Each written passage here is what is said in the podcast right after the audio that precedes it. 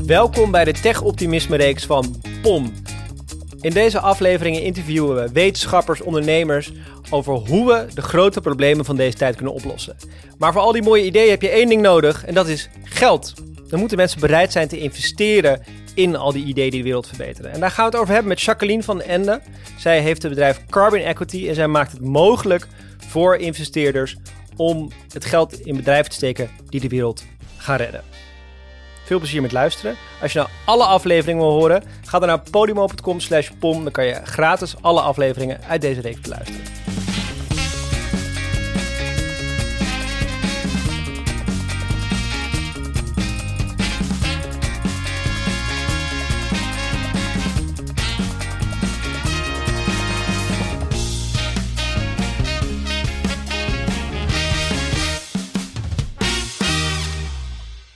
Jacqueline, welkom in de Tech Optimisme Reeks van POM. We hebben allemaal gasten gehad met grote verhalen over wat ze willen veranderen. Maar iemand moet het ook betalen. Ja. er moet geld voor zijn. En uh, daarom hebben we jou uitgenodigd. Want jij kan het oplossen, toch? Het financiële probleem. Absoluut, ja. Vertel, hoe? Ja, um, nou... um, je hebt dus een pinpas. Ik, ik heb een hele dikke bankrekening. Een ontzettend grote erfenis. Nee, helaas uh, doe ik dat niet in mijn eentje, maar ik ben er wel mee bezig. En wat, uh, hoe wij dat uh, vanuit mijn start-up Carbon Equity proberen te benaderen, is om particulier geld te ontsluiten om werelds meest ja, innovatieve klimaatoplossingen te financieren. Um, en dat doen wij door het mogelijk te maken voor particulieren om mee te investeren met topinvesteerders wereldwijd. Je kan letterlijk via Carbon Equity kun je met een Al Gore of een Bill Gates mee investeren in topbedrijven. Wij kunnen dat ook, Alexander en ik. Jullie kunnen dat ook. Uh, de meeste fondsen via ons platform zijn vanaf 100.000 euro. Maar we hebben sinds uh, afgelopen week hebben we ook de Climate Investment Club, waar je vanaf 10.000 euro al mee kan doen. Dus 10.000 euro is nog best wel een bedrag. Uh, maar goed, als je dat hebt liggen, dan kun je dus mee investeren mm -hmm. in ja, in een pakket van 50 wereldwijde top uh, climatebedrijven. En waarom zou ik dat bij jullie doen, niet gewoon bij het Triodos Groen Fonds achter iets?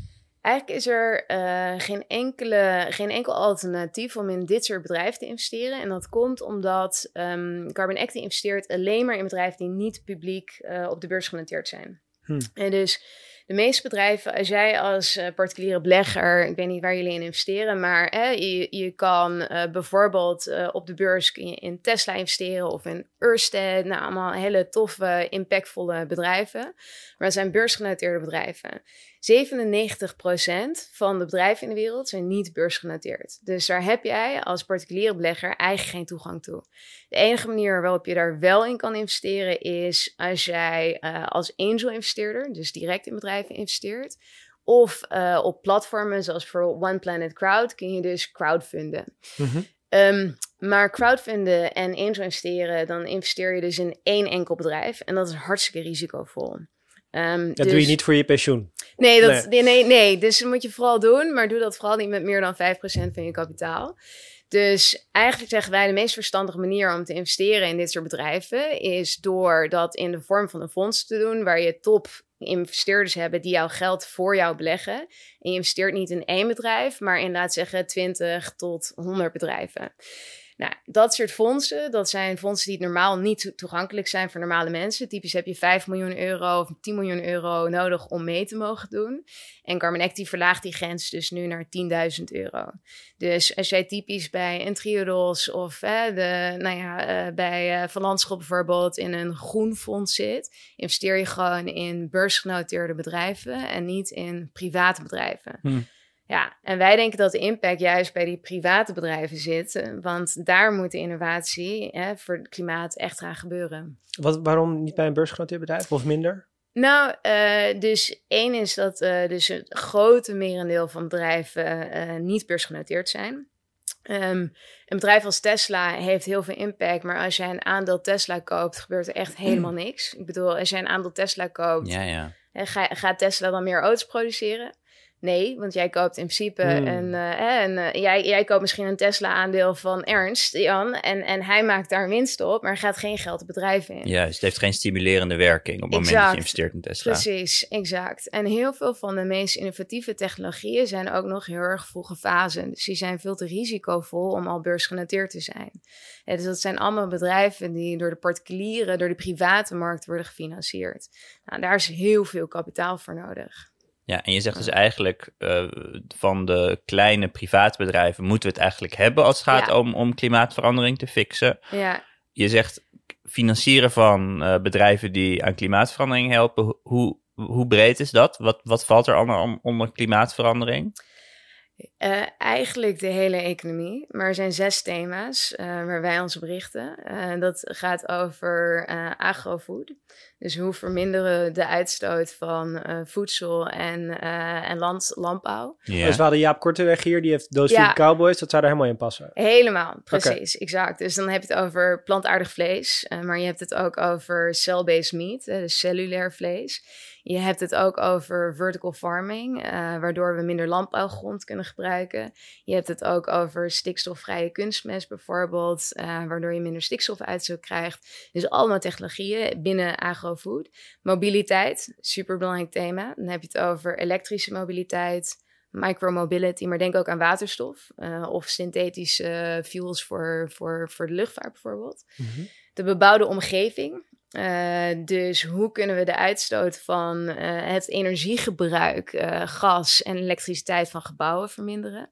Maar ook hoe kunnen we veel duurzamer bouwen? Ja, cement. Cement, 8% van de wereldwijde CO2-uitstoot. is vier keer zoveel als de totale luchtvaart in een jaar. Dat is echt ongelooflijk. Oh, wow. Echt waar? Aan ja, cement? Cement alleen. Dat is echt crazy. En ondertussen bouwen we elke maand net zoveel vastgoed als heel New York City. Het is echt op de wereld bedoel je? In de wereld. Ik heb zes jaar in de Filipijnen gewoond. Nou, daar zie je steden echt binnen vijf tot tien jaar gewoon uit het niks uh, verrijzen. Een vierde thema is industrie. Hoe gaan we nou, uh, nou ja, cement is een thema, maar ook staal, chemicaliën. Het zijn allemaal processen die enorm afhankelijk zijn van, uh, van fossiele brandstoffen. Hoe gaan we nou staal smelten zonder het, ja, zonder het verbranden van fossiele brandstoffen bijvoorbeeld? Hmm. Um, zijn er al richtingen? Sorry, maar zijn er hier al richtingen voor hoe je staal kan smelten zonder uh, ja, te steken? Ja, we hebben een van de bedrijven uh, waar je via Carbonecti dus in kan investeren, heet Boston Metal. En zij elektrificeren staalproductie. Dus die weten uh, met elektriciteit dusdanig hitte op te wekken dat ze, dat ze staal kunnen smelten. Dus, nou, wat een goed nieuws voor IJmuiden. Ja, ja, nee, zeker. Ja, dus eh, de Tata Steels, de ArcelorMittal zijn dus ook grote investeerders in, in dit soort uh, bedrijven. Um, dus dat is vijf, industrie en dan is de laatste... En dan heb je energie en energieopslag uh, en carbon capture and storage. Dus hoe gaan we... En zelfs als we vandaag stoppen met de uitstoot van CO2... moeten we alsnog heel veel CO2 uit de lucht gaan halen... en op gaan slaan uh, onder de grond uh, of vermineraliseren. Zijn bedrijven ook bezig met CO2 ja, echt in, in stenen, uh, steenvormige structuren opslaan. Huh. Nou, dat, dat, dat heet carbon capture and storage. Ja. Wat vet dat je zoveel, je hebt nu al zoveel voorbeelden genoemd van bijzondere bedrijven. En dat volg je dus allemaal. Ja, exact. Ja, en bij, uh, via ons platform investeer je dus in een mandje van... Al die thema's. Van al die thema's en al dit soort bedrijven. Zowel heel vroege fase als ook juist heel laat. En dat is ook onze filosofie. We moeten investeren in echt hele vroege innovatie. Maar we moeten vooral ook investeren in het opschalen van innovatie. Ja, ook in de vorige podcast, die zei eigenlijk is het goede nieuws dat 80, 90 procent van de technologieën die we nodig hebben om tot net zero te komen, die bestaan al. Dus daar moet gewoon vooral heel veel geld achter om te zorgen dat we die op gaan schalen. Ja. ja. En hoe werkt het dan? Wat, is, wat zijn jullie dan precies voor schakel? Wat, wat doet Carbon ja. Equity daar, daartussen dan? Dus ik kom met mijn geld aan. Oh. Ja, goede vraag. Dus um, um, wij zeggen, uh, je hebt, uh, jouw geld heeft eigenlijk veel meer impact door het financieren van bedrijven in die private markten, die vroege fase zijn waar je geld direct het bedrijf in gaat en die innovatie financiert. Maar het grotendeel van kapitaal in de wereld heeft geen toegang. Wereldwijd is er iets van 152 triljoen aan vermogen bij mensen met een vermogen tussen een ton en 10 miljoen. 152 triljoen. Ik heb even helemaal geen beeld hierbij. Hoe is dat Nee. überhaupt? Dat is gewoon veel. 100 het is echt heel veel geld. Ehm, en die eh, 152 triljoen heeft geen tot eh, beperkte toegang tot die private markten. En wat Carmaneck die eigenlijk wil doen, is de brug slaan tussen die 152 triljoen en 's werelds ja, meest impactvolle climatebedrijven via fondsen. Dus wij maken het mogelijk voor iedereen om met een stukje van je pensioen, een stukje van je erfenis, je bonus, mee te investeren in climatefondsen, in climate venture capital en private equity fondsen, die dit soort bedrijven financieren. Dus wij koppelen kapitaal aan bedrijven via fondsen. Jij kiest zelf die... Dus jij kiest de, de fondsen uit. Ja, dus we hebben een team, eh, we kijken naar 800 eh, klimaatfondsen wereldwijd. Dat zijn eh vroegfase, laatfasefondsen, Europa, Amerika en ook zelfs in Azië. En wij selecteren daarvan eh, enerzijds de meest klimaatimpactvolle fondsen. Anderzijds kijken we ook gewoon naar financieel rendement. Want als jij een paar ton via carbon equity in eh, klimaattechnologie investeert, dan wil je dan niet kwijtraken. Het moet ook gewoon echt een solide rendement op kunnen leveren. Ehm, en die allerbeste fondsen, daar, daar steken wij veel geld in als Carbon Equity. En wij, eh, wij committeren daar 10, 15 miljoen euro aan. En die eh, commitment zetten wij dan open via ons platform. Voor iedereen om mee te kunnen doen vanaf 10.000 euro of vanaf 100.000 euro. Oké, dus het zijn niet Hmm. specifieke bedrijven waarin jullie investeren. Het zijn mandjes Het van zijn bedrijven. mandjes van bedrijven, precies. En op het Exact. moment dat mensen dan op jullie platform bijvoorbeeld 10.000 euro stallen, Ja. dan wordt dat verdeeld over een aantal mandjes. Ja, dat klopt. Ja, exact. Dus je kan of in een enkel fonds investeren. Dan zie je bijvoorbeeld, je kan kiezen voor een bepaald thema. Dus denk aan agrofood. Oké, Of je kan denken aan eh, de bebouwde omgeving. Je hebt fondsen die echt heel specifiek op één thema zitten. Of je zegt, ik wil in een fund of funds investeren. En dan investeer je dus in al die eh, thema's en al die bedrijven. En het voordeel daarvan is diversificatie. En Ja. dus je, je risico is gewoon drastisch lager. Als jij in zeven fondsen tegelijk investeert, is het kans dat jij minder dan hè, één keer je rendement terugkrijgt, is anderhalf procent.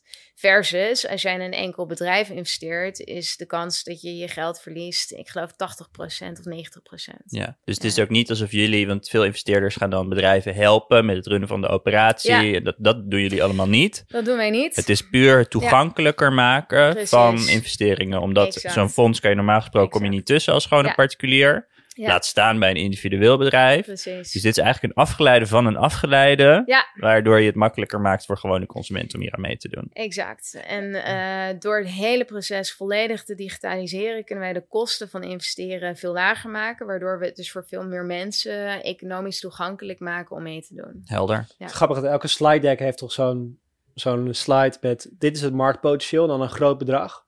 En bij jou is dat bedrag dus 152 triljoen. dat klopt. Ja. nou, lekkere, Ja. lekkere deck. ja. En ehm, eh, waarom kwam je tot... Nee, wat ik wil vragen is, die fondsen, waarom zijn die bereid met jullie te werken? Want ik kan me voorstellen dat het een Ja. heel andere propositie is dan maar die ze normaal horen.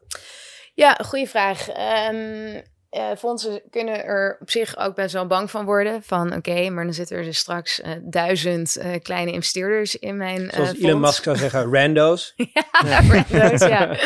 Crypto cowboys. Ehm, maar eh, kijk, wij nemen de verantwoordelijkheid dat het geld gecommitteerd wordt. Dus wij komen met, een, een redelijk aanzienlijke zak geld eh, voor zo'n fonds. Nou, op zich zijn wij nog een relatief kleine investeerder. Ook als we 10 of 15 miljoen doen, dan, dan zijn we nog een redelijk kleine investeerder. Maar die fondsen eh, resoneren heel erg met onze missie. Dus die vinden het super cool dat wij volledig klimaattechnologie focus zijn. In de hele wereld zijn wij de enige echte klimaattechnologie fonds specialist. Mhm. Dus eh, zij zijn volledig eh, eigenlijk aligned met onze missie om zoveel mogelijk particuliere investeerders erbij te betrekken. Een van de redenen waarom we dat doen is niet alleen omdat er heel veel kapitaal zit, maar ook de onderliggende filosofie is dat als mensen mee mogen investeren, mee mogen bouwen, letterlijk eigenaar zijn van de net zero economie, dat dat mensen ook kan enthousiasmeren en betrekken.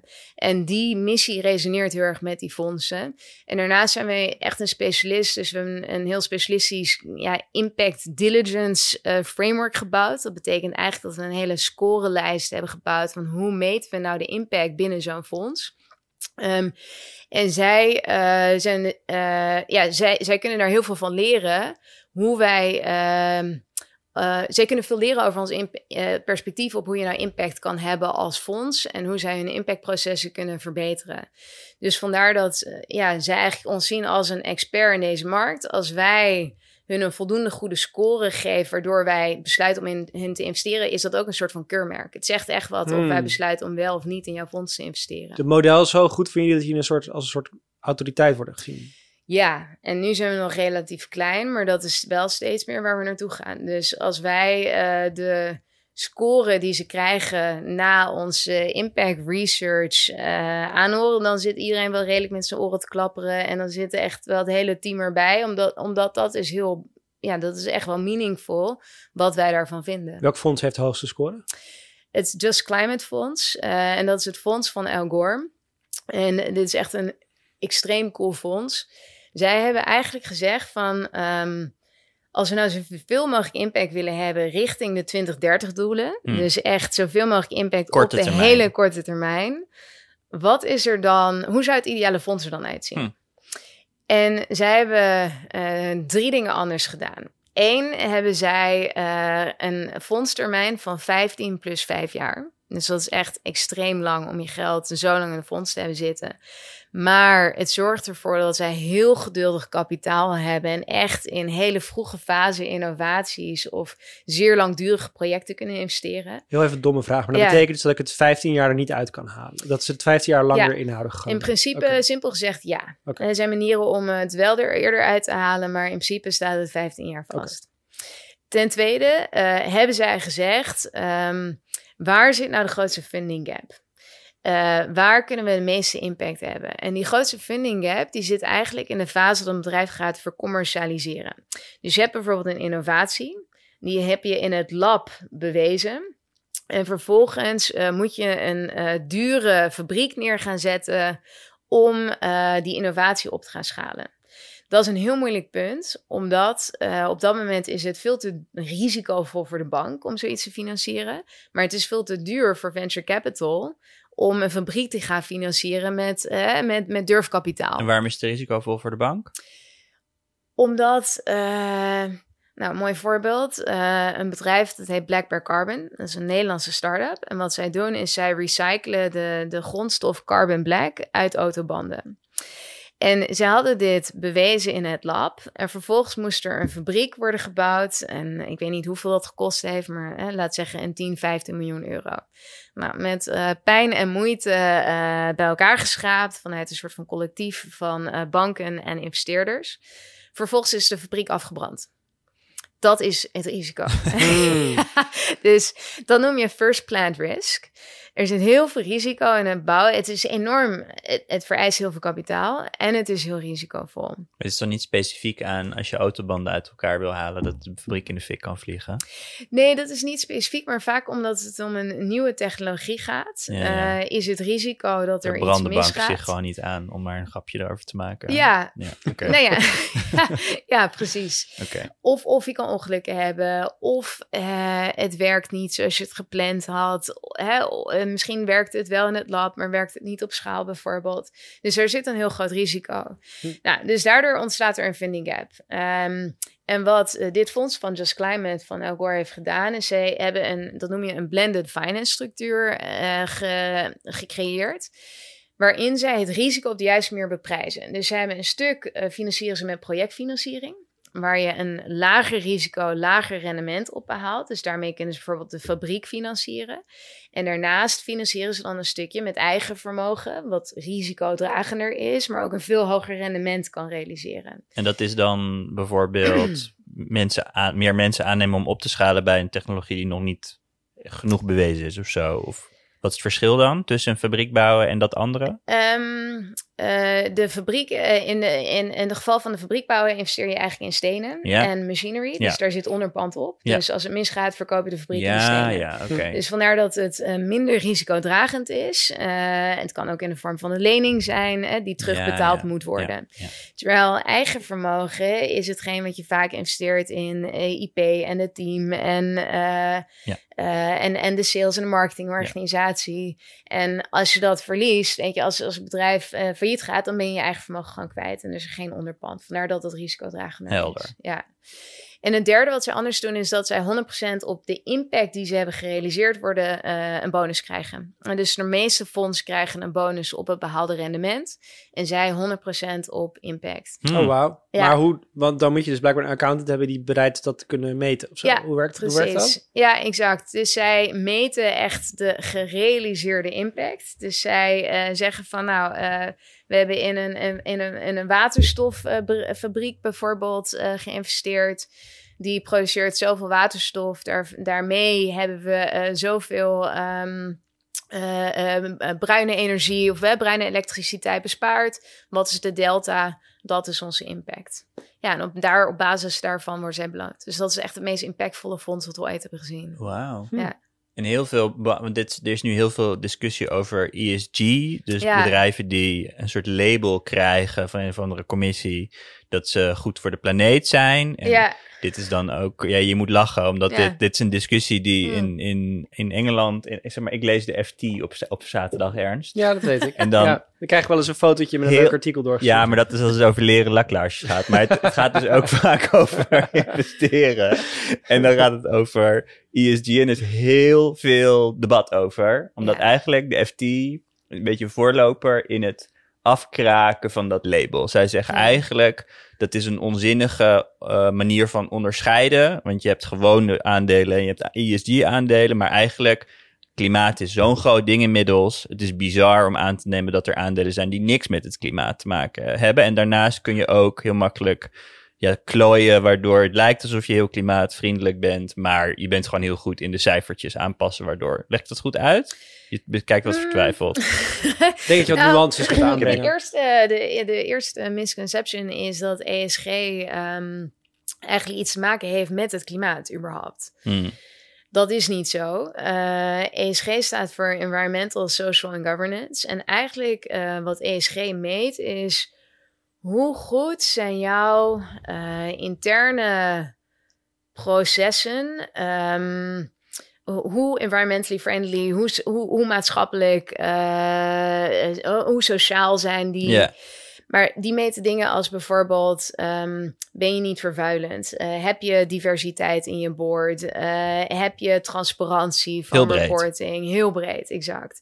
Maar wat dat niet meet is. Ehm, of een bedrijf daadwerkelijk een klimaatprobleem oplost. Daar heeft het helemaal niks mee te maken. ja, Dus eigenlijk ESG-bedrijven die hoge ESG-score hebben, die hebben eigenlijk, dat noem je good governance. Ja, die hebben hun interne processen goed op orde. En vaak noem je dat do no harm. Ze richten geen eh, schade, eh, maatschappelijk, environmental eh, aan. Ehm, maar het heeft niks te maken met wat doet zo'n bedrijf. Ehm, dus de misconceptie is dat ESG iets te maken heeft met impact investeren. ja. Oh ja. En dit is heel belangrijk, want er zijn dus heel veel eh, eh, bedrijven die hebben zich gecommitteerd om alleen nog maar geld te geven aan dit soort ESG-bedrijven. En er zijn veel retail-investeerders, Ja, zoals wij. Wij zijn retail-investeerders. Mhm. Beetje een neerbuigende Rando's, term. ja. rando's, eh, die, eh, die dan zeggen ik wil alleen maar met een hoog ESG-labeltje. Dus er gaat heel veel geld heen. Terwijl Ja. eigenlijk zou je kunnen zeggen, het doet geen flikker voor, voor het, wat het dat. beoogt te zeggen. Ja. En, en ik neem aan dat dat, daarom moet je ook een beetje om lachen. Dit, jouw bedrijf is eigenlijk ook tegen die, dit is in de financiële wereld een enorm ding, dat ESG. ja. En eigenlijk zeg jij, wij hebben een beter alternatief, als ik je goed, als ik je goed begrijp. Dat is precies waarom we doen wat we doen. Ja, ja, Toen ja. wij begonnen met de vraag van... Hey, hoe kunnen we nou met geld de klimaatproblemen oplossen... zagen we echt triljoenen richting de ESG-mandjes Ja, gaan. ja, Maar één, wat zit er in jouw ESG-mandje? Nou, meestal zijn de top vier aandelen in jouw ESG-mandje... Apple, eh, Ja, Facebook, eh, Google. Tesla. Ja, Tesla. ja, ja. Eh, Tesla overigens niet. Die heeft een, apparently een hele slechte ESG-rating. Oh ja, want hij, Ehm, Elon Musk heeft er scheid aan. Dus die gaat er niet voor er optimaliseren. Maar Ja. goed, Apple dus wel. Want ja. ja. want die hebben, een huis, die hebben een interne huishouding goed op ja, orde. veel zonnepanelen. Ja. Precies. En, uh, Maakt niet uit dat je alle lithiummijnen leegtrekt, maar voor de rest uh, hartstikke goed. Helemaal goed. Um, maar dat heeft helemaal niets met impact te maken. Uh, dus um, wij zeggen inderdaad van in plaats van dat jij in bedrijven die geen schade aanrichten investeert, investeer, of althans doe dat vooral. Maar doe dat niet omdat je impact wil hebben, maar omdat jij je, je investering eigenlijk uh, wil beschermen. Ja. Eigenlijk is de hypothese achter ESG, als jij investeert in bedrijven die uh, hun, hun interne huishouding goed op, aarde, uh, goed op orde hebben, die geen uh, schade aanrichten, die diversiteit hebben, die transparante governance hebben, dan heb jij minder risicovolle investering. Dat is eigenlijk het, het, het, hele denken. Minder kans op gekkigheid. Minder kans op gekkigheid. Ja. Als jij niet in oliebedrijven investeert. dus je hebt exclusion, dat is een vorm van ESG investeren. Waarin je zegt van nou, ik investeer niet in kolen en olie en gasbedrijven. Hmm.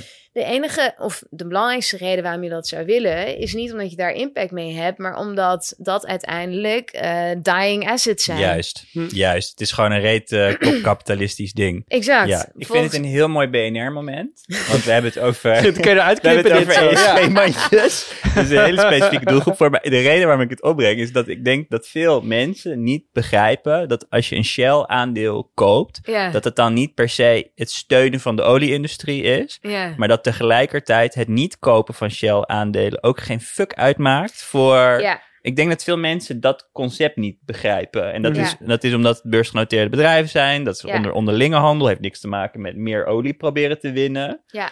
En dat geldt voor dit soort be- bedrijven die net beginnen natuurlijk wel. Maar misschien om de, gewoon een aantal voorbeelden te krijgen van Ja. dat soort bedrijven. Je noemt zes sectoren. Ja, Wat is je lievelingssector? ja. Ja, je moet een lievelings hebben. Dat wil je natuurlijk niet zeggen, maar doe er toch maar één. Wat is de spannendste? Kan ook. Of een, of een Ik vind echt alles Kies er extreem één. cool. Ik vind eh, cement echt heel vet wat daar gebeurt. Oké. Omdat, Ja. Want je zegt vier keer zoveel als de luchtvaart ieder jaar. ja, Wat is een bedrijf waar uit zo'n fonds waar jullie in zitten wat iets doet met cement? het toffe is dat er, eh, als je kijkt naar al die bedrijven, dat er echt heel veel bedrijven zijn en iedereen heeft een andere oplossing. Je vindt ze allemaal tof, maar er eentje uit. Ik ga er een. Ja, want ik wil Ik gewoon, het drie maakt het beelden. geven. Want we hebben het nu heel veel over geld en Ja. over hele grote getallen. Maar uiteindelijk Ja. gaat het gewoon om bedrijven die één ding oplossen. Biomason, supercool bedrijf. Wat zij doen is, eh, zij eh, maken cement met eh, biotechnologie. Ze hebben gekeken naar hoe koraal zich vormt en hebben die technologie toegepast op cement, waardoor zij cement kunnen maken zonder CO2-uitstoot. Dus Hmm. typisch voor het bij cement ontstaat heel veel CO2 op twee momenten in het proces. Eén eh, bij het eh, in het chemische proces ehm, ontstaat CO2, dus lime, een grondstof, wordt gesplit in eh, cement en in CO2, dus er komt CO2 in vrij. En de andere is in het verhitten, dus in het bakken van eh, en het eh, verharden van cement, eh, wordt gedaan met fossiele brandstoffen om hoge temperaturen te genereren. En daar ook ontstaat CO2. Oké, dus bij het Ja. cement maken, want ik weet het Ja. eigenlijk helemaal niet, is er een bouwstofje, een Ja. grondstof die uit de grond trekt. Dit Ja. heb je nog niet in de FT gelezen. Ja, misschien, ja, weet ik eigenlijk niet. Skip. Maar ja, misschien omdat ik over die laarsje van jou moet lezen. Maar die, eh, die, dat is een grondstof, die trek je uit elkaar. Ja. En bij dat proces, dat is gewoon een of ander CO2. Ja, precies. Een of Ja. ander proces wat miljoenen jaren geleden gevormd is. Daar is CO2 bij nodig geweest. Dat komt weer vrij op het moment dat je het uit elkaar trekt. Ja, zo zou je het kunnen zeggen. Ehm, en eh, die, die, ja, er, is, er is geen manier om cement te maken zonder die uitstoot van CO2. Nee. Ehm, eh, en, en dus het verhitten van die CO2. En. Biomason is een bedrijf die gebruikt dus een, ja, een biochemistry, een, een biologisch proces met eh, bacteriën om cement zonder eh, CO2 te creëren. Een ander voorbeeld daarvan is het bedrijf Carbon Cure. En zij pakken het juist heel anders aan. Zij zeggen, nou, wij gaan naar een cementbedrijf toe en we zetten er een afvanginstallatie op. Dus zij Mm. Ja, vangen ja. de CO2 uit het cement af. En vervolgens injecteren zij dat in het cement, waardoor het cement Hmm. harder wordt. Wauw. Hmm. Oh, het wordt Ja. dan nog een beter product dus. Ja, ja, ja, ja. Dus dat is echt een ja, mega coole technologie. En juist weer andere bedrijven die eh, zeggen van nee, we moeten helemaal geen cement hebben. We moeten bouwen met hout. En dus je hebt ook bijvoorbeeld een bedrijf Leco Labs. En wat zij doen is eh, drie dingen. Ze hebben één een soort van eh, laminaatstructuur ontwikkeld die net zo sterk is als cement.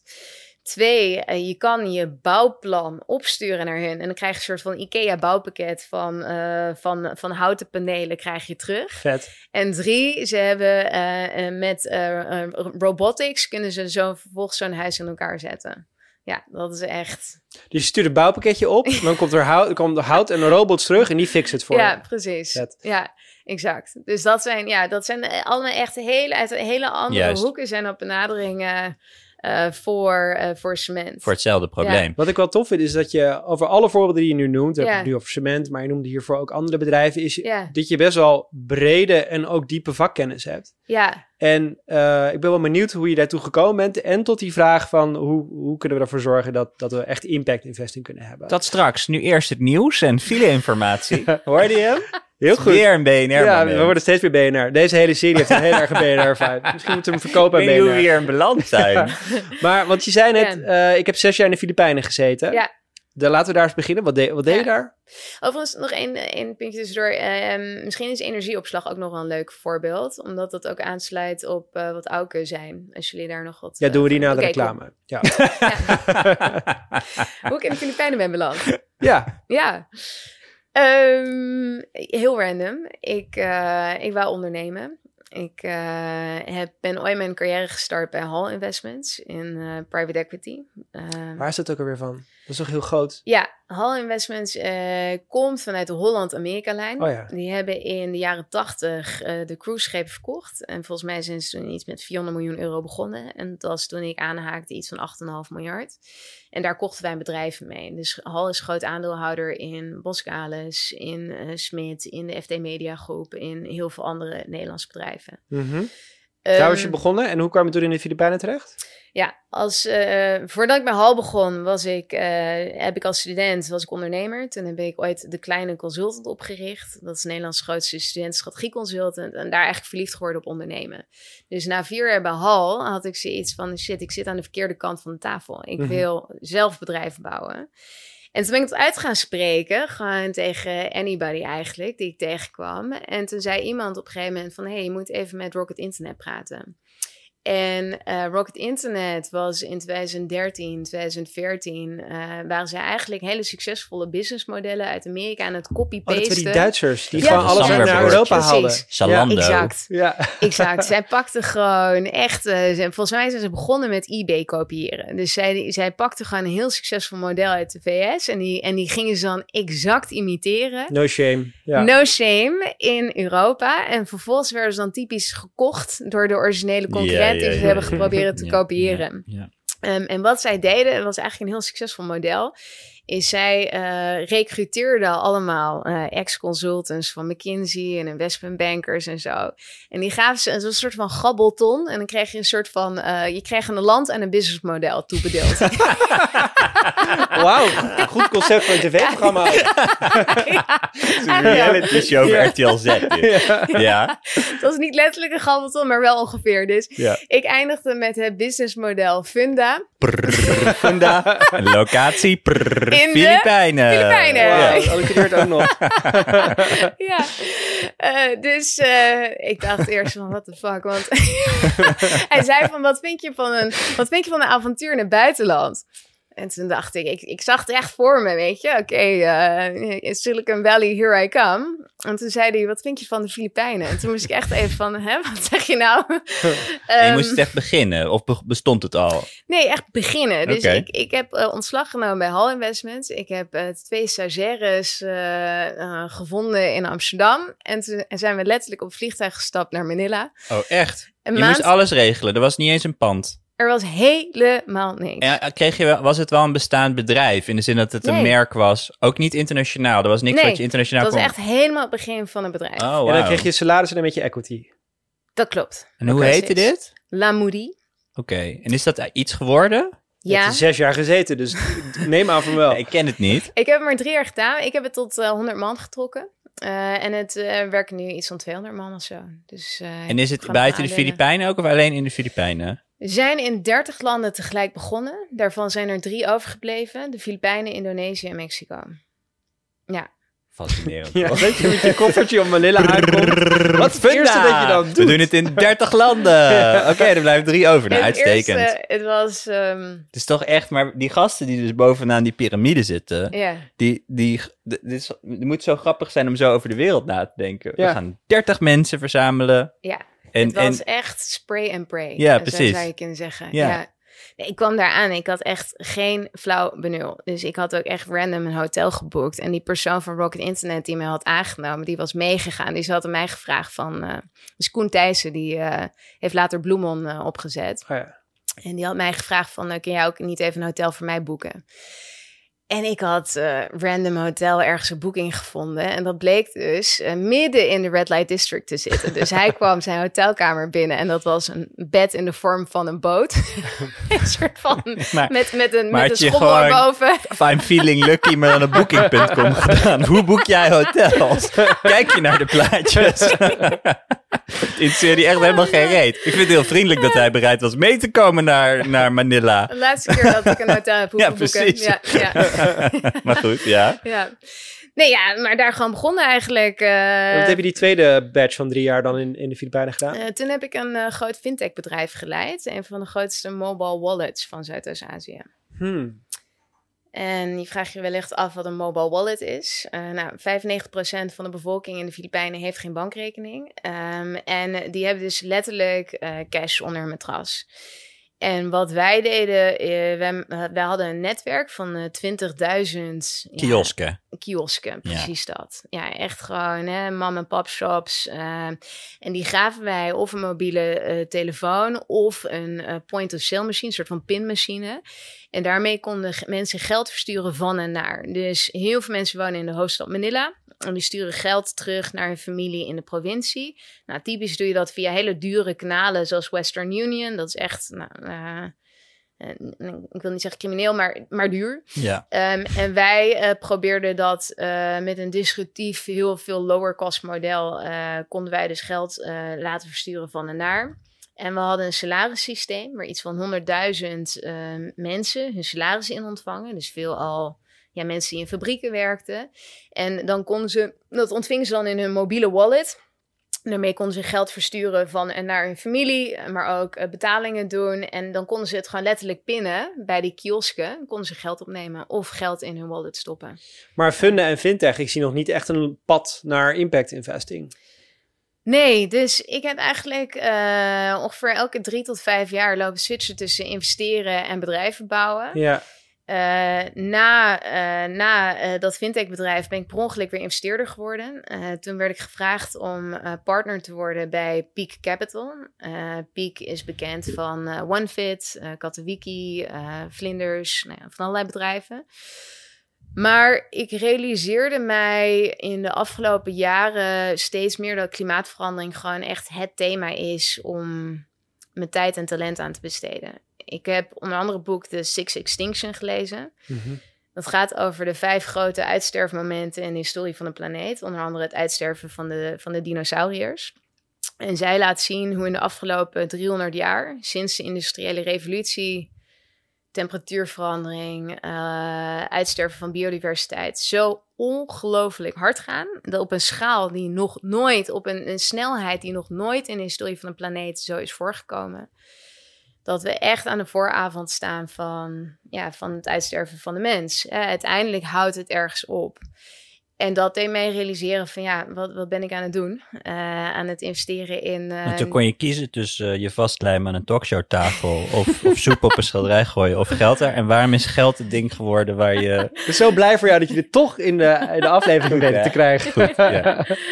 Als je dit over een paar maanden luistert. Er was een tijd in 2022 dat mensen met secondenlijm zich aan talkshowtafels vastmaakten. Maar dat Ja. terzijde. Waarom geld? Waarom was dat, waarom dat dit puzzelstukje waar je, waar je je tijd in wil steken? Ja, want dat either way kunnen gaan. Je hebt ook ervaring met ondernemen. Ja. Ik eh, geloof dat uiteindelijk geld bepaalt wat gebeurt in de wereld. Ehm, daarin leven we Het is een- lelijk, maar het, is, een. Ja, waarheid. ik zeg niet dat het wenselijk is, Ja. maar het is wel, denk ik, heel erg waar. Dus ik zie eigenlijk geld als hetgeen wat bepaalt. Nee, je, je- letterlijk bepalen investeerders hoe de toekomst eruit ziet. Ja. Dus ik denk dat geld ook het belangrijkste middel is waarmee we kunnen sturen. Ik zie eigenlijk geld een beetje als de cockpit van de wereld. Of misschien als de orkestdirigent. En toen ik nadacht over, oké, welke rol wil ik specifiek spelen in het oplossen van het klimaatprobleem? Nou, ik had een batterijenfabriek kunnen starten. Of Ja. ik had een, eh, een, een plant-based eh, food. Of misschien eh, food waste. Of... Maar met geld kan ik eigenlijk alles doen. Mhm. Alles tegelijk. En dat vind ik heel cool. Ja. Het is ook minder praktisch. Je kan het niet aanraken wat je aan het doen bent. Nee, dat klopt. Ehm, Je gaat de hele tijd heen en weer tussen ondernemen en investeren. en nu komt het samen. ja, Ja, oké, fair Ja. enough. Maar je bent niet bezig met een... Zeg maar, je komt op me over als iemand die dus kan executen. ja, Dus je kan een land binnenkomen en eh, een bedrijf opzetten van 100 mensen. ja, In een land waar je niet eerder bent geweest. Ja. Dat, dat is een talent dat niet iedereen heeft. Ja. Dus ja, het voelt niet op een bepaalde manier ook niet jammer dat je niet, eh, dat je niet met je poot in de blubber staat om een cementfabriek uit de grond te trekken. Ik zou het misschien hierna nog wel eens een keertje willen doen. Maar ik geloof echt dat eh, kapitaal de meest effectieve manier is om dit te doen. En Ja. mijn droom met Carbon Equity is om wereldwijd het grootste eh, klimaatinvesteringsplatform te worden. Waar, hè, eh, ja, uiteindelijk tienduizenden, if not honderdduizenden mensen hun stukje spaargeld in kunnen zetten om de toekomst te bouwen.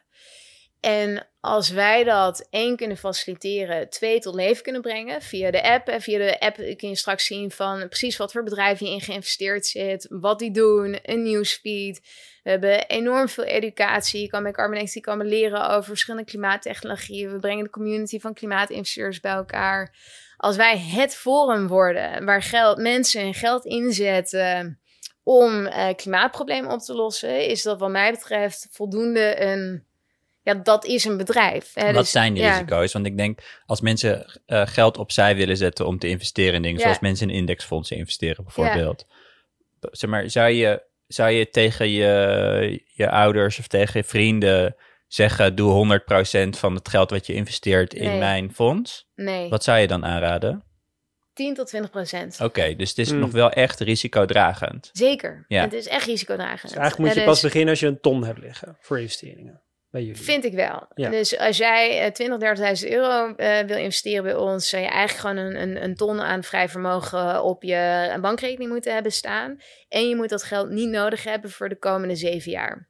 Eh, Dus de looptijd van zo'n fonds is in principe tussen de 10 en 13 jaar. Betekent niet dat het altijd vaststaat. En na vijf jaar krijg je ongeveer de eerste geldstromen terug. Dus hoe het werkt is een fonds haalt een, een, een, pot, kap- een pot geld op. Laat zeggen 100 miljoen. En met die 100 miljoen gaan zij in bedrijven investeren. Dus zij zullen in 20, 30 bedrijven investeren. En eh, na vijf jaar gaan ze die eerste bedrijven ook weer verkopen. Dus misschien wordt een bedrijf verkocht aan een strategische investeerder. En misschien gaat ArcelorMittal wel het bedrijf Boston Metal kopen. Ja. Of misschien eh, gaan ze wel naar de beurs. Of misschien worden ze opgeslokt door een concurrent. Nou, dan wordt er, eh, dan wordt er eigenlijk eh, wordt er voor betaald. En dan, krijgt, eh, dan komt er geld terug. Dat geld wordt terug uitgekeerd naar de investeerders. Dus je moet echt, het is langlopend en het is risicovoller dan je obligatie, maar waarschijnlijk ook dan je beursgenoteerde beleggingen, omdat je daar nog meer kan spreiden. En waarom ja. doen indexfondsen dit niet? Eh, investeren in dit soort private bedrijven, al is het maar met een klein deel. Omdat het eh, van de wetgever, eh, omdat het qua wetgeving heel lastig is. Ah. Dus wij hebben ook een speciale AFM-licentie nodig om dit te mogen doen. Ja, ja. Ehm, en dat heeft heel veel voeten in de aarde. Eh, dus typisch zegt de meeste fonds van nou, we zouden het wel willen. En Van Landschot en ABN, et cetera, die Ja. denken er ook over na. Van ja, ik zie hier toch wel heel veel vraag. Zeker afgelopen jaar had je lage rentestand, eh, beurzen die super volatiel zijn. Mensen hebben nog best wel wat eh, vermogen op de bank staan of op een, eh, op, in een savings account waar ze iets mee willen. Eh, en dan is het best wel interessant om te investeren in alternatieve beleggingen. Dus niet personaliseerde beleggingen. Maar de Waar je nog goed over kan voelen. Ja, eh, waar je je goed over kan voelen, waar je echt een probleem mee oplost, maar ook wat nog best wel hoog renderend is. hè? Mhm. Dus rendementen kunnen tussen de 10 en 25 procent per jaar liggen. Nou, dat is echt, ja, dat, dat, hè, dus hoger, ren, hoger risico, ook, ook hoger rendementsprofiel. Maar de banken worstelen daar wel mee van, oké, dat vinden we toch wel heel spannend en, en moeilijk, regulatory-wise. Dus Hmm. ja, vandaar dat dat nog niet breed En is het dan zo dat het, eh, want uiteindelijk zou het natuurlijk heel fijn zijn als grote investeerders eh, eh, als BlackRock en gewoon de grootste geldverdelers ter wereld een deel van hun geld in dit soort fondsen zouden gaan steken. Dat zou natuurlijk heel fijn zijn. Dat zou goed nieuws zijn voor de planeet als dat zou gebeuren. Eh, die BlackRock en zo, die, die hebben... eh, nou ja, BlackRock doet volgens mij met name... Daar gaat niet om de individuele, maar gewoon ja, dat dit meer zou Ja. gebeuren. En eigenlijk, zeker, als ik dit goed begrijp, dan zeg je, dit doen ze niet omdat het te klein bier is. Oftewel, consumenten hebben te weinig behoefte aan hier, hieraan tot nu toe. Er is niet genoeg markt voor. Mm, ik Toch dat opvallend. De consument heeft er juist wel behoefte aan. Ja, maar Eh, als die heel veel behoefte eraan zouden hebben, dan zouden die fondsen dit soort, dan zouden die, die, die soort regulatory hurdles voor Ja. lief nemen en dit gewoon alsnog introduceren. zijn er ook dus ook wel mee bezig. Hè? Dus heel veel banken zijn er over na aan het denken van... oké, wat willen we in termen van private equity en venture capital... aan onze eh, eindklanten Ja. bieden. Maar jij gaat sneller. Maar wij bewegen Maar het is toch, het is toch ja. een bloody shame dat de Rabobank dit niet doet. Als het grote woorden over het klimaat. En ze hebben, ze hebben Ja. de stikstof in Nederland helemaal naar de tering geholpen. Ze- dit, Ja. dit zou toch het minste zijn wat ze terug zouden kunnen doen. Dit aan consumenten überhaupt aanbieden. Geef, geef er geld aan uit.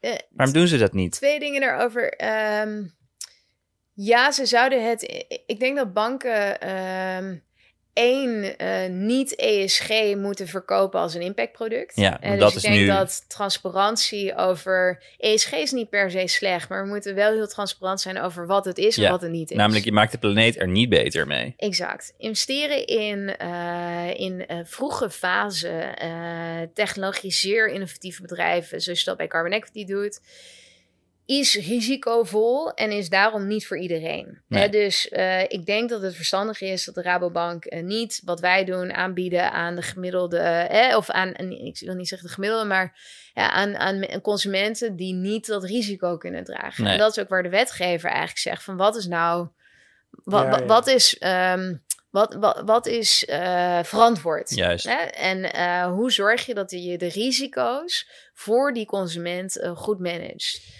Ik ben wel Ja. benieuwd naar het tempo. Want ik word op een cynische manier wel hoopvol als je zegt dat eh, Tata Steel bijvoorbeeld investeert in zo'n, hoe heet het, Boston Carbon? En Boston Metal. Boston Metal, ja. Eh, dan dat, dat die dus blijkbaar al zien dat er iets moet gebeuren en daarin investeren. Net zoals, weet ik veel, grote Ja. vleesbedrijven nu uh, Ja, vegetarisch... Unilever, de eh, vegetarische ja, precies. Ja. Alleen ik kan me voorstellen dat tempo niet hoog genoeg ligt. Wat is, het, wat is een beetje, eh, hoeveel Ja. hoger moet het tempo gaan liggen? Eh 3,5 triljoen per jaar hoger. Oh, wat Ja. fijn dat er een soort een KPI is. hoe ben je op dit getal, hoe, hoe, hoe zijn mensen of jij tot dit getal gekomen? Eh, McKinsey is tot dit getal gekomen. En eh, er moet eh, volgens hen moet er ongeveer 9,2 triljoen per jaar worden geïnvesteerd. En wat- In, Eh, in eh, niet alleen in duurzame technologie, maar vooral ook in duurzame infrastructuur. Dus dan heb je het over eh, elektriciteitsnetten, duurzame infrastructuur, transformatie van, eh, van fossiel-intensieve businesses naar, eh, naar, naar laag CO2-uitstoot. Oké, dus alles wat om twee graden Alles. verwarming te houden. Anderhalf. Om, Om anderhalve graad we- te houden, Ja, oké. exact. Moeten we 9,2 triljoen per jaar, dus, dus 3,5 triljoen meer. En, en dat is En dan kijken heel- ze dus naar ja. bedrijfsprocessen, anders dan niet naar bedrijven. Gewoon de, de, het is wat bedrijven uitgeven aan verduurzaming of nieuwe bedrijven die duurzame dingen maken. Zo kom je tot dat bedrag. Dit is het totale pakket aan wat de overheid en de private sector samen zouden moeten investeren om daar te komen. Want de overheid heeft daar natuurlijk ook een hele belangrijke rol in Ja. te spelen om Niet de in KLM te gooien, maar- exact eh, op te schalen, de nou, duurzame projecten te financieren. Het gaat overigens niet alleen over wat gebeurt in Europa, maar juist ook heel erg in ontwikkelingslanden. Want hè, wat je nu ziet is dat de uitstoot van ontwikkelingslanden exponentieel toeneemt, waar eh, ontwikkelde Ja. landen juist eigenlijk eh, hè, op een neerwaartse curve zitten. Maar dus 9 triljard per jaar. Ja, En dan, hoeveel is het nu? Het is nu uh, iets van 6 uh, triljoen, dus er moet 3,5 triljoen bij. En die 3,5 triljoen, dat is ongeveer de helft van de totale winst van uh, corporate bedrijven per jaar. En ongeveer een kwart van alle belastinginkomsten. dus ze zouden ongeveer een kwart van de jaarlijkse wereldwijde belastinginkomsten moeten investeren in duurzame infrastructuur. Om daar te komen voor de komende 30 jaar. Hmm. Ja. En ongeveer de helft daarvan komt uit de publieke sector en de helft vanuit de private sector. Hmm. Dus dat is, hè, dus, dus, dus dat is precies de vraag. Uh, het gaat niet zozeer over is het mogelijk, maar kunnen we dit snel genoeg doen? Want daar is echt heel veel commitment voor nodig. En wat vind je van hoe de Nederlandse overheid het nu doet? Um, ze, ze zijn er wel mee bezig, maar ik denk dat er met te weinig daadkracht wordt opgetreden en te weinig urgentie.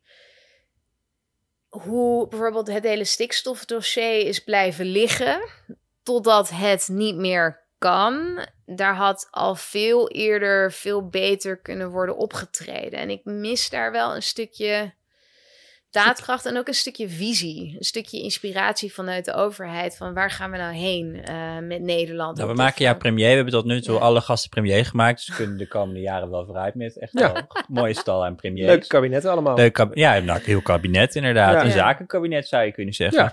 Uh, weer zo'n BNR-moment. Uh, laten we een, uh, een, een, een, wat, wat, wat zou je willen als je, als je de baas zou zijn van dit land? Want je zegt visie, je zegt stukje inspiratie, nou kom maar. um,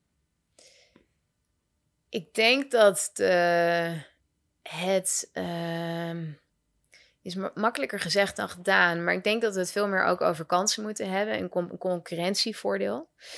Uh, een mooi voorbeeld is de Inflation Act Reduction, de Inflation Reduction Act in Amerika. Uh, dat is een klimaatplan, maar verkapt als een hè, manier om de inflatie tegen te gaan, uh, miljoenen uh, banen te creëren, economisch concurrentievoordeel op te bouwen. Ik de denk groene dat economie te bouwen. De groene economie te bouwen. En daar de, veel van, het, van de verhaallijn rondom klimaat gaat over problemen. Uh, het gaat over wat we minder moeten doen en uh, uh, duurdere prijzen, et cetera. Ja. En dat is natuurlijk ook allemaal een realiteit. Um, maar ik denk dat we veel meer de kans van Nederland om koploper te zijn in de energietransitie en daar economisch voordeel uit te benutten, veel meer in het verhaal terug moet komen. Wat kunnen wij buitengewoon goed, waardoor we ons ook kunnen onderscheiden ten opzichte van andere landen? Nou, Nederland is. Um, dat gaat dan meer om adaptation. We zijn een van de allerbeste landen in het uh, omgaan met water en uh, infrastructuur bouwen om te zorgen dat we ook met uh, veranderend klimaat om moeten gaan. Dat is een feit. En het is een feit dat de zeespiegel gaat stijgen. Het is een feit dat we veel meer extreem weer gaan krijgen. Ook al gaan we nu, vanaf morgen zijn we net zero. Dus mm-hmm. daar moeten we ook keihard in investeren. Dat is een enorm onderbelicht aspect van de energietransitie. En met name in ontwikkelingslanden. Dus daar heeft Nederland een enorm mm. voorbeeld voor. Hè? Met bedrijven als Boskalis en... Uh, Absoluut. Uh, ja. ja, dat is echt iets waar wij concurrentievoordeel dat we uit... Ja, op kleine schaal, dat ben ik van Louisiana hebben gedaan naar, exact. Of in Dubai-eilanden opspuiten. Precies. Exact. En dan, maar dan... Ja. Wind op zee uh, zijn wij uh, redelijk goed in, hm. uh, in, in Nederland. Dus, dus wij gaan eigenlijk, ja. de, het, is, het is een shitshow. Het gaat niet, het gaat niet beter worden. Ja. Het, kan, we kunnen het gaan remmen, maar we gaan dit niet op korte termijn fixen, klimaatverandering. Dat kan ja. gewoon niet meer. En we, wij hebben bedrijven die landen kunnen helpen om de grootste nadelige effecten te bestrijden. En dat is een ja. economische kans die we hebben. Ja, zou ik zeggen. Ja, ja zeker. Ik, ik denk met een stukje meer visie van waar gaan we naar heen. Ik, ik denk altijd een beetje aan een man on the moon movement in, in Amerika. Uh, Amerika ging een, uh, een man op de maan zetten. En dat is een van de meest gemotiveerde en in, geïnspireerde momenten in de historie van de Amerikaanse, uh, of in de Amerikaanse historie. Mm -hmm. Iedereen ging daarvoor. Iedereen hing aan de lippen van de president totdat dat moment dat de man on the moon was. Ja, de droom overleefde ook de president die het uitsprak. Exact. Ja. En ik denk dat we een dergelijk moment nodig hebben eh, nu om mensen ook te enthousiasmeren ervoor. We moeten een stukje haast creëren. We moeten een stukje. We, mo- we moeten naar dat doel eh, toesprinten. En volgens mij moet je mensen daar meer toe inspireren. Waardoor ook de discussie minder politiseert. Ja, dus als het een economische discussie is, zoals de Inflation Reduction Act, van nou, we gaan banen creëren, we gaan zorgen dat die energiekosten omlaag gaan, we gaan zorgen voor energy independence, waardoor we niet meer van Rusland en China afhankelijk zijn. Dat is een verhaal waarin veel meer mensen mee kunnen. Dus Ja. je moet het een beetje uit de groene hoek pakken, want ja, nu eh, en, en ESG draagt daar niet positief aan bij. Krijg je een hele eh, gepolariseerde discussie van de klimaatvoorstanders. Dat zijn hele linkse rakkers. en, en, en mensen die wiens prioriteit dat niet is, die zijn, die zijn super rechts of zo. Die hele discussie politiseert heel erg. En ja, wij krijgen wel eens wappies ja. langs op kantoor. Echt waar? ja, ja, ja. Ja, Die- en dat is best wel, dat is best wel scary. En, en ik denk Maar ook wat gewoon zeggen die dan? De eerste keer heb ik eh, krantenknipsels opgekregen, gestuurd gekregen. Dat is echt heel vreemd. Toen een, eh, een envelop met krantenknipsels over eh, klimaat van klimaatontkenners. Waarin dus met een marker onderstreept was wat die mensen zeiden. Stukjes uit de Telegraaf. Ja, en Ja. vorige week was er, ik was gelukkig zelf niet op kantoor, maar was er iemand die kwam klagen over Sigrid Kaag bij ons. ja, dat is echt doodeng. Hè, bah. ja, best wel, best wel scary. Maar goed, eh, ik denk dat de discussie veel te veel politiseert. En, ja, dus als je zegt energie-onafhankelijkheid. Ja, dan, dan vinden veel meer mensen zich daarin. Of inflatiereductie, zoals Ja. in Amerika. banen, Hey, ja. En voor energie-onafhankelijkheid is de energieopslag er eigenlijk belangrijk voor. Heel ik had nog een belofte. ik dacht, je moet nog even inlossen. Eh, ja. Oh, vertel eens meer over. Maar wat bedoel je? Batterijenfabrieken? Wat, waar heb je het dan over? Nee, het belangrijkste, eh, of een van de grootste schakels, onopgelaatste schakels voor energie, is echt de energieopslag. Dus eh, het grote probleem van duurzame energie is dat de zon niet altijd schijnt en de wind niet altijd waait. En dus wat we nodig hebben is eh, technologieën om eh, energie over langere periodes op te slaan. Ja, heeft Auke heeft daar Ja. spectaculair over verteld. We hadden al Waterstof, zei Auker. Precies, exact. Nou ja, daar zijn dus ook heel veel bedrijven mee bezig. Er zijn dus verschillende technologische richtingen om, om dat op te lossen. En, en sommige, ehm, een van de bedrijven in ons portfolio, die heet Form Energy. Dat is ook de eerste unicorn, dus een bedrijf wat meer dan een miljard waard is. En wat zij doen is, eh, zij gebruiken een eh, verroestingsproces. Dus dat noem je een iron air batteries. En dat zijn hele grote eh, ijzeren batterijen. En ehm, als er geen stroom doorheen loopt, eh, verroesten die batterijen. En als er stroom eh, doorheen loopt, dan eh, krijg je het omgekeerde proces.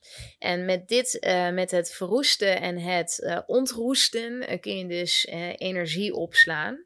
En zij hebben het nu mogelijk gemaakt om voor 100 uur kun je energie super goedkoop in hun batterijen opslaan.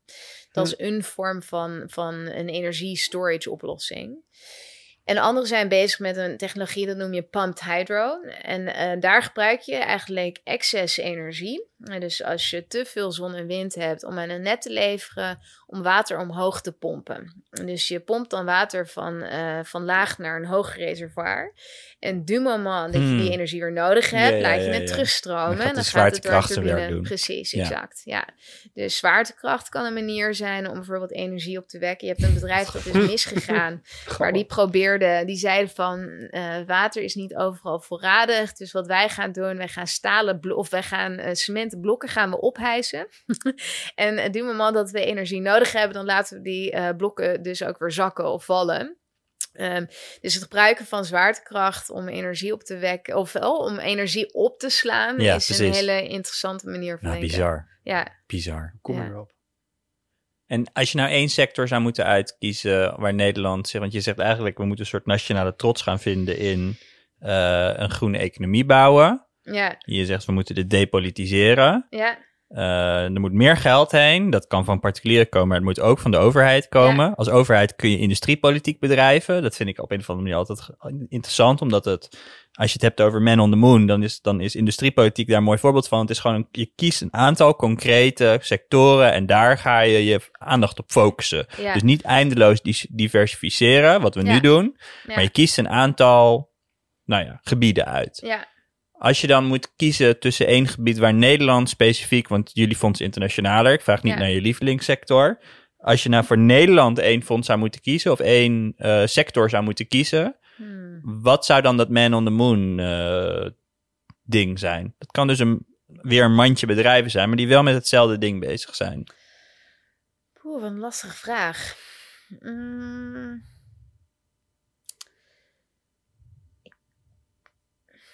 Hmm. Ja, dus één echte, de, de, de adaptatie. Ik denk dat dat echt. Wij gaan de wereld hele- redden. Ja, ik denk dat daar Nederland echt enorm. We hebben al de baggeraars, we hebben de, eh, we hebben de waterwerken. Daar zijn we extreem goed in. Ehm, waterstof niet. Dat vereist heel veel goedkope groene energie. En daar hebben wij gewoon geen concurrentievoordeel ten opzichte van Geen enorme eh, dammen. de, de landen als Noorwegen bijvoorbeeld, die heel veel waterkracht hebben. Ja.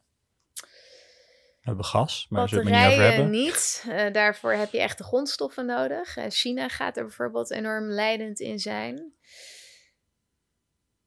Misschien toch het stukje. mm, Nederlands goede services en eh goede data-industrie. Ja, ja. Eh, data zou nog wel eens een, een goede richting kunnen zijn. Denk aan, eh, we hebben steeds accuratere weermodellen nodig, want weerpatronen veranderen. Je ziet ook dat het weerbericht eigenlijk minder betrouwbaar is tegenwoordig, omdat je enorme hoosbuien krijgt. Nou, daar kan Nederland denk ik Hmm. best wel concurrentievoordeel in Hmm. ontwikkelen. Eigenlijk zijn er, zijn er allemaal dingen die je noemt waar we...